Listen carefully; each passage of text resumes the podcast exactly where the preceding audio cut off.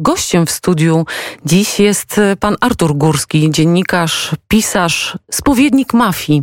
Człowiek, który o mafii chyba wie najwięcej, może prokuratorzy jeszcze mogą coś powiedzieć, albo sami mafiozi.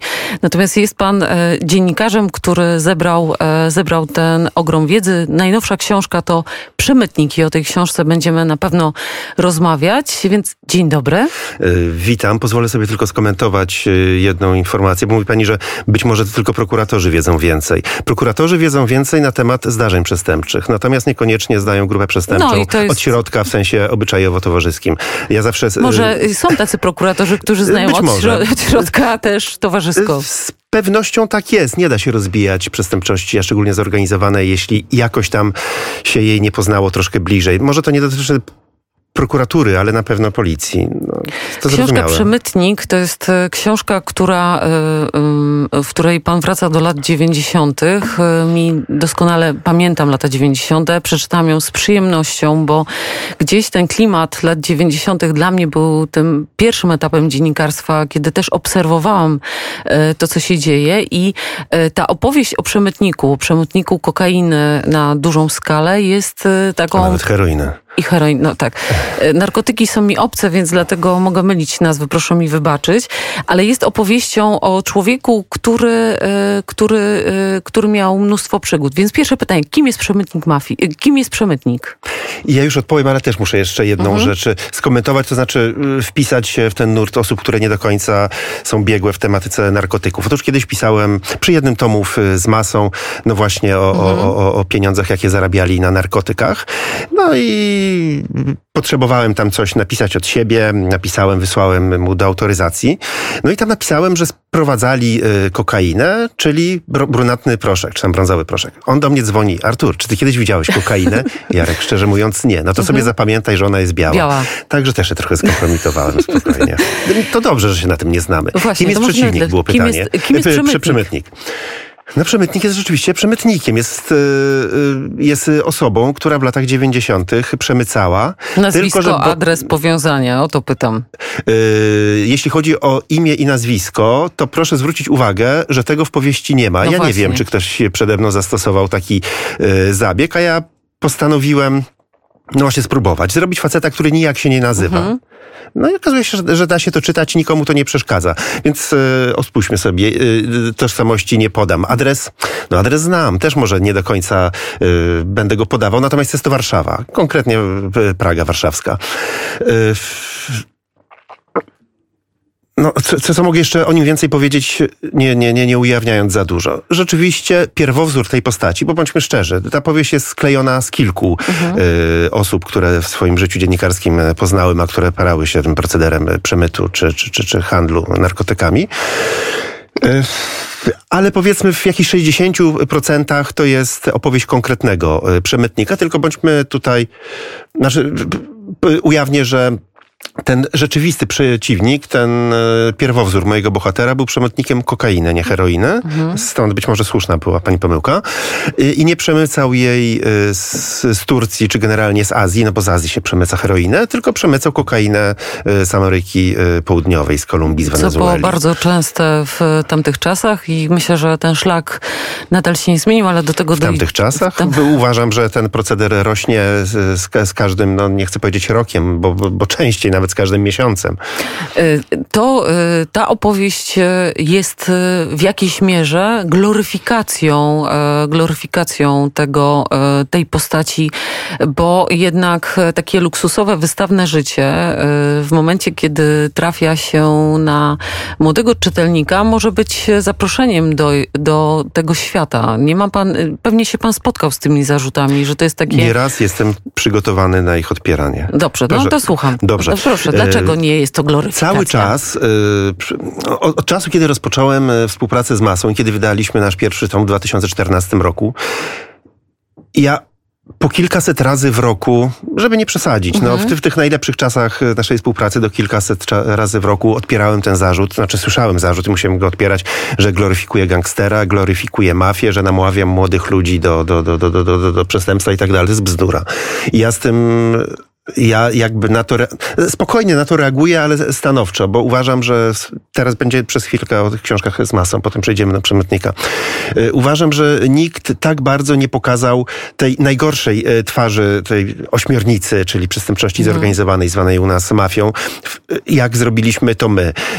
Oczywiście pokazaliśmy ją również w w tym momencie e, największego rozwoju, a więc e, pokazaliśmy też tę stronę, no nie chcę powiedzieć lepszą, bo to w żadnym wypadku nie jest strona lepsza. Pokazaliśmy luksus, jakim oni się pławią, ale to nie znaczy, że myśmy się, że, że, że, że myśmy w jakimś sensie to wspierali i że to miała być gloryfikacja. Przeciwnie, no pokazaliśmy, że patrzcie ludzie... Z, z, jak to się kończy. Jak, jak to się kończy, bo, bo nawet jeśli y, przez pewien czas będziecie mieli iluzję, że żyjecie w błękicie, że macie mhm. wszystko, stać was na to, na co nie stać, nawet bogato tych Polaków, to to wcześniej czy później przyjdzie za to zapłacić. A poza tym, to, to, że wy się pojawicie w tym luksusie, to nie jest luksus zdobyty metodami zacnymi, godnymi i, i etatowymi, tylko przeciwnie, pochodzi z przestępczości. No więc ten luksus nie jest w jakimś sensie luksusem, tylko jest takim czystym obliczem zła. No, zło lubi się otaczać rzeczami luksusowymi. I wydaje mi się, że że trzeba było pokazać uczciwie jakby we wszystkich aspektach e, funkcjonowanie mafii. No, że mój bohater się pławi w luksusach, czyli e, trafia do tych mm, e, ośro ośrodków, mhm. gdzie, gdzie czeka na, na, na towar, który ma następnie przemycać. No ale tak to wygląda. No dlaczego miałbym oszukiwać czytelnika i pisać mu, że trafiłem do, do, do, do, do, do celi w klasztorze benedyktynów i tam nieźle karmili? No wiadomo, że to trochę inaczej... To była powieść. Poczekajmy, ja, ja się rozkręcam. Ale no trzeba pokazać, jak to wygląda uczciwie, a nie, a nie jak być może powinno wyglądać. No w ogóle to nie powinno wyglądać. W ogóle przemytu narkotyków nie powinno być, ale jest. Ten proceder jest cholernie bogaty. To jest bardzo bogata branża. Więc dlaczego nie pokazywać, jak wygląda życie przemytnika? Napisał pan, e, używa pan tutaj e, dokumentów. Rozumiem, że one są e, w jakiejś części prawdziwe, bo to są. Już mówię. Akta, które... Jeśli chodzi o artykuły prasowe, to. Mhm w jakiejś części są e, opublikowane in extenso, tak jak je po prostu przeczytałem, znalazłem, przeczytałem, przepisałem. Inne są troszeczkę zmienione pod kątem właśnie opowieści, e, opowieści. a dokumenty, są to autentyczne dokumenty procesowe, tyle, że pozmieniane no, ze względów różnych karnoprawnych. I żeby pasowały do, do, do, do tego określonego przeci- przemytnika i jego, jego historii. Bo, Ale y, rzeczywiście są to dokumenty, które znajdowały się w e, materiałach procesowych tych ludzi, z którymi rozmawiałem. W świecie idealnym myślimy o tym, że y, służby, y, mówię tu o wywiadzie, kontrwywiadzie, o służbach mhm. policyjnych, werbują, werbują gangsterów po to, żeby oni pracowali na rzecz kraju. Jak pan z swoją wiedzą jako spowiednik mafii, jak pan oceniłby skalę? Czy to jest tak, że, nie wiem, stary Urząd Ochrony Państwa pozyskał do współpracy jakichś gangsterów na taką dłuższą drogę, nie jednorazowo po to, żeby wsadzić kolejnych, tylko czy udało się przewerbować e, bandytów e, po to, żeby mogli służyć społeczeństwu nawróceni? Y, na pewno takie kontakty były. Na ile werbunek był skuteczny i na ile werbunek nie, wy, nie wymknął się z, jakby spod kontroli służb, to już jest inna sprawa. Nie chcę się w tej kwestii wypowiadać. Natomiast y, no, narkotyki są bardzo specyficznym, specyficznym przestępstwem, prze, specyficznym e, branżą, branżą sektorem. I oczywiście nie chcę tu mówić o Polsce, bo miejmy nadzieję, że w Polsce tak to nie działa, ale w niektórych krajach, szczególnie tam, z, których narkotyki e, pochodzą, no chociażby kraje Ameryki Południowej, e, tam służby są po prostu w to zaangażowane. Tak, chcesz przemycać, chcesz handlować, mm. musisz mieć nasz plac, naszą zgodę. Mm. Ja pisałem kiedyś dwie książki z byłym rezydentem rosyjskiej mafii w Polsce, z Sergiejem N. pseudonim Niedźwiedź, bardzo znana postać w latach 90. w Polsce. E, to jest też człowiek e, przewerbowany. To jest też człowiek, który no e, najpierw pracował dla, na, dla najwyższych szczeblów mafii rosyjskiej, zresztą miał bardzo dobre kontakty w Polsce, bo też w Polsce był. No ale Później pozwolono mu odkupić winy i zacząć pracować dla amerykańskich służb, które chciały y, zinfiltrować y, środowiska karteli południowoamerykańskich. Tutaj chodziło nie o Kolumbię, tylko o Wenezuelę, no ale to jest ten mhm. sam system. No i on tam y, Napisałem z nim dwie książki, w tym książkę Ruscy Narkos. I on w tej książce tak dokładnie opowiada, jak wygląda ten mechanizm. Werbowania i jakby ułatwiania y, procederu przez y, wojskowe służby specjalne, które po prostu czerpią z tego zyski. Mieliśmy w historii kilka przykładów złapania służb specjalnych na, na, na, na, na pośredniczeniu, na jakimś tam udziale w tym procederze. Y, jeżeli w Polsce UOP interesował się narkotykami, znaczy źle to zabrzmiało, się interesował, się, interesował się handlem narkotykami, przemytem, to z pewnością próbował pozyskiwać do współpracy ludzi wywodzących się z tego środowiska i ich, i do nich się zgłaszał. I tutaj jeden z takich przypadków opisałem w książce Przemytnik. Jesteśmy w historii, bo lata 90. to e, na pewno Państwo pamiętają. Gazety, właściwie 90% czołówki, e, czołówek gazet to był tak zwany kryminał. E, reporterzy kryminalni byli, byli gwiazdami mediów i wtedy słynny Pruszków, Wołomin w Warszawie, wybuchy, zabójstwa, historie. Zastanawiałam się jakiś czas temu, jak wygląda teraz mafia. Jak, jak, bo nie wierzę w to, że przestępczość zorganizowana zniknęła z powierzchni kraju, ale jednak my już e, teraz żyjemy politycznie, e, gazety e, prowadzą wojny polityczne, a de facto jakby ten wątek kryminalny, te historie kryminalne gdzieś odchodzą w zapomnienie. To znaczy, że nie mamy już problemu z przestępczością? Może, do, może dla jakby podziemia kryminalnego jest to całkiem dobra sytuacja, w której media zwalczają się politycznie, obyczajowo, tożsamościowo i tak dalej, bo, one, bo, bo, bo grupy mogą sobie po cichu działać i media nie zwracają na nich uwagi. A ten biznes Ale oczywiście wymaga ciszy. Biznes wymaga ciszy, natomiast nie było tej ciszy w latach 90. Pani tutaj wspomniała o tym, jak y, uprawiali y, celebryckość za, za pośrednictwem mediów, bawili się z dziennikarzami, chadzali do, do, do, do redakcji prasowych, no słynny dziad Złomina chadzał ze swoim przybocznym do, do warszawskich przez redakcji. pana Masa też miał kontakty w Super Expressie. Wszyscy mieli, bo to się wszystkim jakby opłacało. Gangsterzy chcieli być sławni, nie wiedzieć po co, tak jakby nie mieli zielonego pojęcia, na czym to polega. A dziennikarze mieli znakomite materiały. Czy prawdziwe, czy nieprawdziwe, to nikogo specjalnie nie obchodziło. I prawdę mówiąc, ja się obawiam, że to do dziś dzień jakby zostało takie myślenie o mediach, czy to jest prawda, czy nieprawda. Ważne, żeby się mm, czytało, żeby było wtedy oglądalność, teraz klikalność i to jest trochę niebezpieczne. Y, natomiast rzeczywiście w latach 90. ta gangsterka była bardzo głośna i medialnie, i jakby w sensie dosłownym, prawda? Wybuchy, strzelaniny, trupy na ulicach. W tej tak. chwili tego nie ma. Oczywiście nie jest y, możliwe, że przestępczość zniknęła, choć oczywiście nie jest tak łatwo jak wtedy, bo policja jest wyposażona dużo lepiej niż kiedyś w sensie i technologicznym, i w sensie prawnym. I naprawdę y, popełnianie przestępstw wymaga jakby zupełnie innych umiejętności, innego podejścia do tej dziedziny niż to było kiedyś. Teraz, jak pani widzi, nie ma napakowanych e, karków z baseballami, a jeśli są, to, to, to chodzą walczyć w MMA, ale niekoniecznie yy, siać grozę na ulicach. Po prostu tego już nie ma. To się skończyło, to się nie opłaca.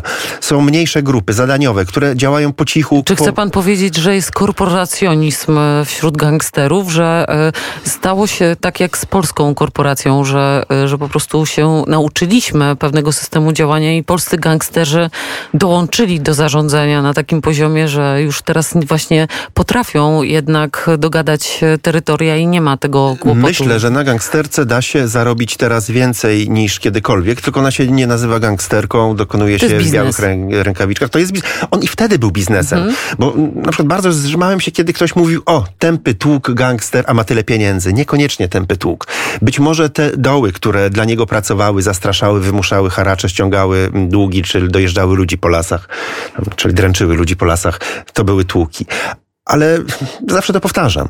Mafia to jest potężny biznes, to jest wielkie przedsiębiorstwo, które działa na skalę międzynarodową również, prawda? Jeżeli mamy kontakty z Rosjanami, jeżeli mamy kontakty z kartelami kolumbijskimi, y, to, to naprawdę tam tłuk e, kart nie, nie pojedzie, nie dogada się. To naprawdę trzeba już troszeczkę innej półki.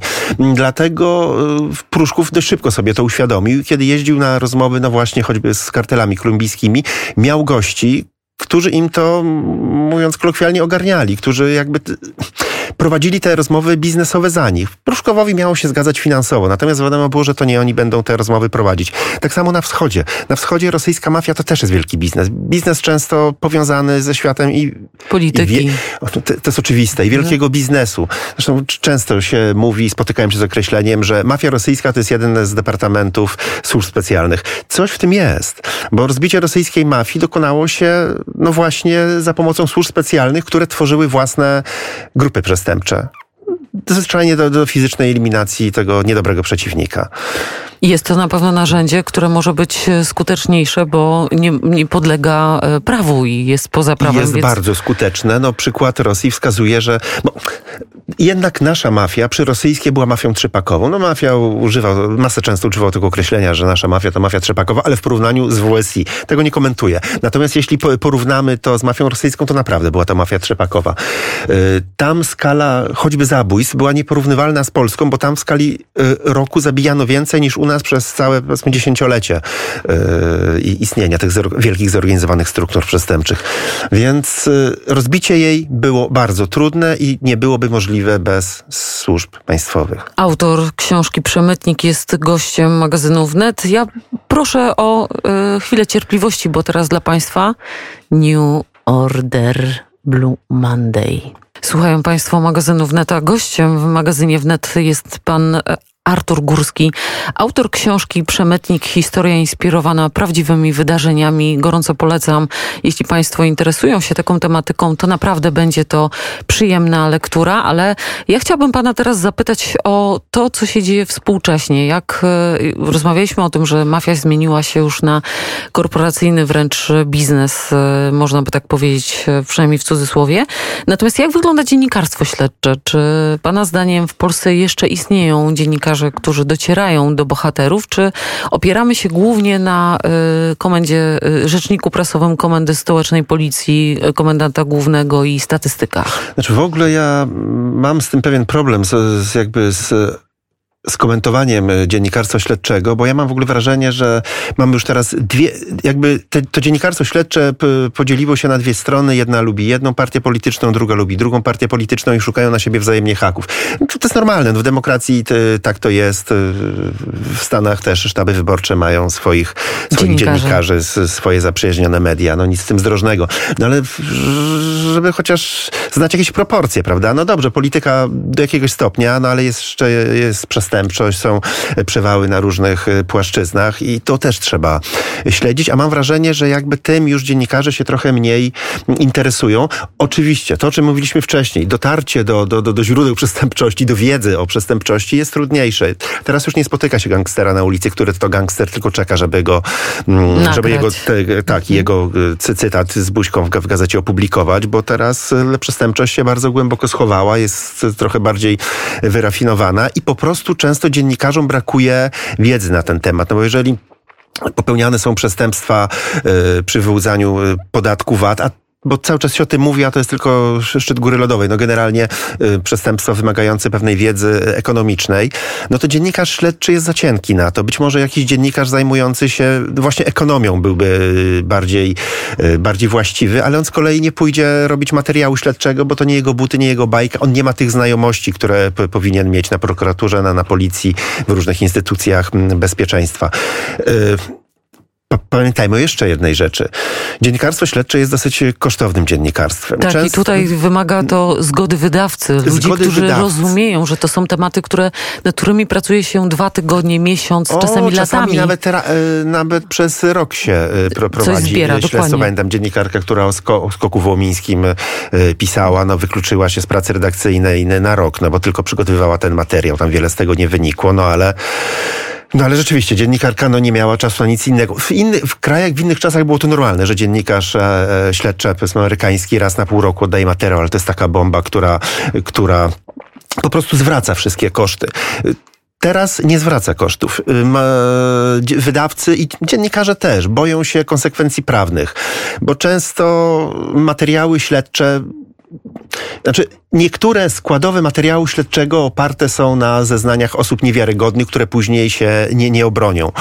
I z tego tytułu wynikają bardzo poważne konsekwencje prawno-cywilne, prawda? Wydawcy muszą płacić wielkie odszkodowanie. Wydawcy nie chcą, nie przyszli tutaj po to, żeby tracić pieniądze, tylko żeby zarabiać pieniądze. Często jest to kapitał niekrajowy, w związku z tym ten, jest już nie, pełne niezrozumienie dla jakby interesu społecznego e, takiego materiału. Ale na przykład taka historia, którą, e, która już e, jest też historią his, historyczną, chciałam powiedzieć, ale starą historią, to historia e, Krzysztofa Olewnika i sprawa, mhm. która jest tak zagmatwana i która jest e, dla mnie, dla mnie jest taką historią, którą właściwie można by ciągnąć w nieskończoność w redakcji, ze względu na to, że tych wątków, które pojawiło się przy Olewniku od, nazwę to, od układu olsztyńskiego, połączenia prokuratorów, mhm. biznesu, księży, po stworzenie Stowarzyszenia na Rzecz, to jest przeciwko zbrodni, zbrodni. bodajże, po śmierci Tobiasza Nimiro i mhm. Inne historie, które się tam pojawiają jako poboczne, można by było pokazać jako dokładnie też historię współczesnych, współczesnych gangsterów po stronie e, wymiaru sprawiedliwości. Tak? I to tutaj ja jestem zaskoczona, że generalnie gdzieś ten olewnik się pojawiał, e, a tak naprawdę o tej sprawie nadal nic nie wiemy. Długo zajmowałem się sprawą olewnika. Myślę, że dotarłem do osób, które miały dużą wiedzę na ten temat. No, przyjaźniłem się z, z, rodziną Krzysztofa Olewnika. Zresztą w wielu środowiskach rzucono oskarżenia pod, pod, pod adresem ojca, że on mógł być też w jakimś sensie w to zaplątany, co oczywiście uważam, że by było nonsensem. Jest to sprawa tak skomplikowana, być może jeszcze bardziej niż nam się wydaje, tak wielowątkowa. Tutaj tyle interesów się splata i to być może interesów y, sięgających bardzo wysoko. Tu, tutaj w ogóle nie ma co o tym w tej chwili y, tak, rozmawiać, bo, dlatego że nie mamy czasu na to. Musieli, musielibyśmy się przygotować. Ja I też, dwie żeby godziny z pamięci. siedzieć, żeby tak, odtwarzać Ale oczywiście ta historia pokazuje, jak w soczewce y, Polskę po transformacji ustrojowej, prawda? Mamy jak tam... wygląda przestępczość, jak wygląda generalnie struktura o charakterze mafijnym. Myślę, że ten Olsztyn jako taka struktura, gdzie pojawiają się, e, pojawia się rezydent mafii pruszkowskiej, który ma zatrzymać e, Czeczenów i Rosję. Pan oczywiście może mnie prostować, bo ja, mhm. ja po prostu mam jakąś niewielką wiedzę na ten temat, ale myślę, że to jest, to jest jedna z tych historii, która by mogła e, być. A te ostatnie dwa pytania. Pierwsze, co u masy? Mają Państwo kontakt? No nie mamy, numer jeden, celebryta nie mamy, nie mamy ze sobą kontakt na razie telefoniczny. Zaszczepił się. Mam... Tak, myślę, że się zaszczepił, bo tam w, bliskiej, w bliskim otoczeniu, no niestety COVID szalał i to z, z najgorszymi skutkami, więc myślę, że, że się zaszczepił. Poza tym w czasie, kiedy COVID wybuchł, Masa był w, w areszcie śledczym. No więc... tam bardzo dbano o to, żeby osadzonym, znaczy mówiąc krótko, żeby, mhm. żeby problem COVID-u nie, nie, nie pojawił nie się, się, za murami. Mhm. To był wielki problem dla służby tak. więziennej, więc na pewno ich wszystkich szczepiono myślę, że Jarek, Jarek zawsze dbał o zdrowie, więc tutaj myślę, że nie stawiał przeszkód osobie, która przyszła go zaszczepić. Myślę, że u niego no trudno mi powiedzieć, co u niego no, ma, no, ma proces, ma od, odpowiada z wolnej stopy. No, to no tak, liczmy, że nie wszystkie zarzuty się utrzymają. A drugie pytanie to nad czym pan pracuje? Jak się teraz dociera do gangsterów? Ma pan stare kontakty, bo mhm. tutaj jako spowiednik mafii stare pan kontakty ich... wiecznie młode. jeszcze żyją, choć e, mówi się, że gangsterzy nie są na emeryturach, że rzadko dożywają emerytury, ale jednak tutaj proszę e, zostały. Nad czym pan teraz pracuje? E, pracuję teraz nad kilkoma rzeczami. E, jedna to będzie e, kontynuacja mojej współpracy z wydawnictwem Skarpa, które, mm, które wydało Przemytnika i mam nadzieję, że w tym roku publikuję jeszcze jedną książkę no, z, z mafią w tle. I zakończyłem drugi sezon audioserialu Audioteki Genialny. Dorwać Gangstera. Nie tak? powiedziałam o tym. A. To jest świetnie napisana no rzecz. Ja, no to ja bardzo dziękuję, bardzo, bardzo mi Bardzo, miło. bardzo, bardzo, no i głos. Y, no, tam jest dużo głosów, dlatego że ale to, jest to jest. Ten głos. Ale jest ten jeden głos. Rozumiem, tak. że chodzi o Janusza Habiora, nie o mój epizod. Panie, no, oczywiście. No, wspaniale, przecież to jasne. No. W ogóle było tak, że audioteka mi pozwoliła, oczywiście w cudzysłowie, mhm. bo to tak naprawdę tylko tak sprawiali wrażenie, że mi na coś pozwalają, żebym wybrał kilku aktorów, którzy moim zdaniem najbardziej by pasowali do roli Timy, czyli mhm. tego głównego bohatera tak. rosyjskiego cynglu działającego w Polsce. Że historia też oparta na faktach i to bardzo. No ja zaproponowałem jakiś tam swoich, ja nie wywodzę wywodzę się z tego środowiska, więc no, strzelałem po omacku. Habior nie przyszedł mi do głowy. Tymczasem oni powiedzieli, że tak, moje propozycje są bardzo dobre, ale... będzie Janusz Habior. Pomyślałem sobie, zupełnie go nie kojarzę z tą rolą, no ale jak go usłyszałem, to już e, uznałem, cudowny, że... Naprawdę cudowny. Ale Przemytnik z kolei jest czytany przez Przemytnika, Blu... przez Przemytnika, przez Przemysława Bluszcza. Liczę, liczę, że nie był Przemytnikiem. E, I to też jest bardzo e, dobrze przeczytana, przeczytany tekst.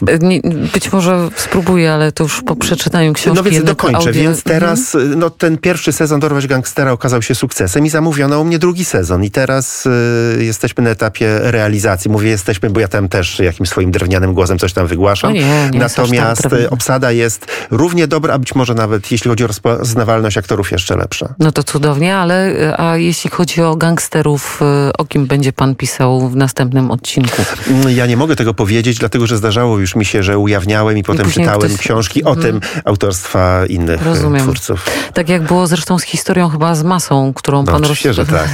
Ale to skończyło się... Kradziono, skończyło się. Dla niektórych aktorów, autorów skończyło się źle, dla niektórych...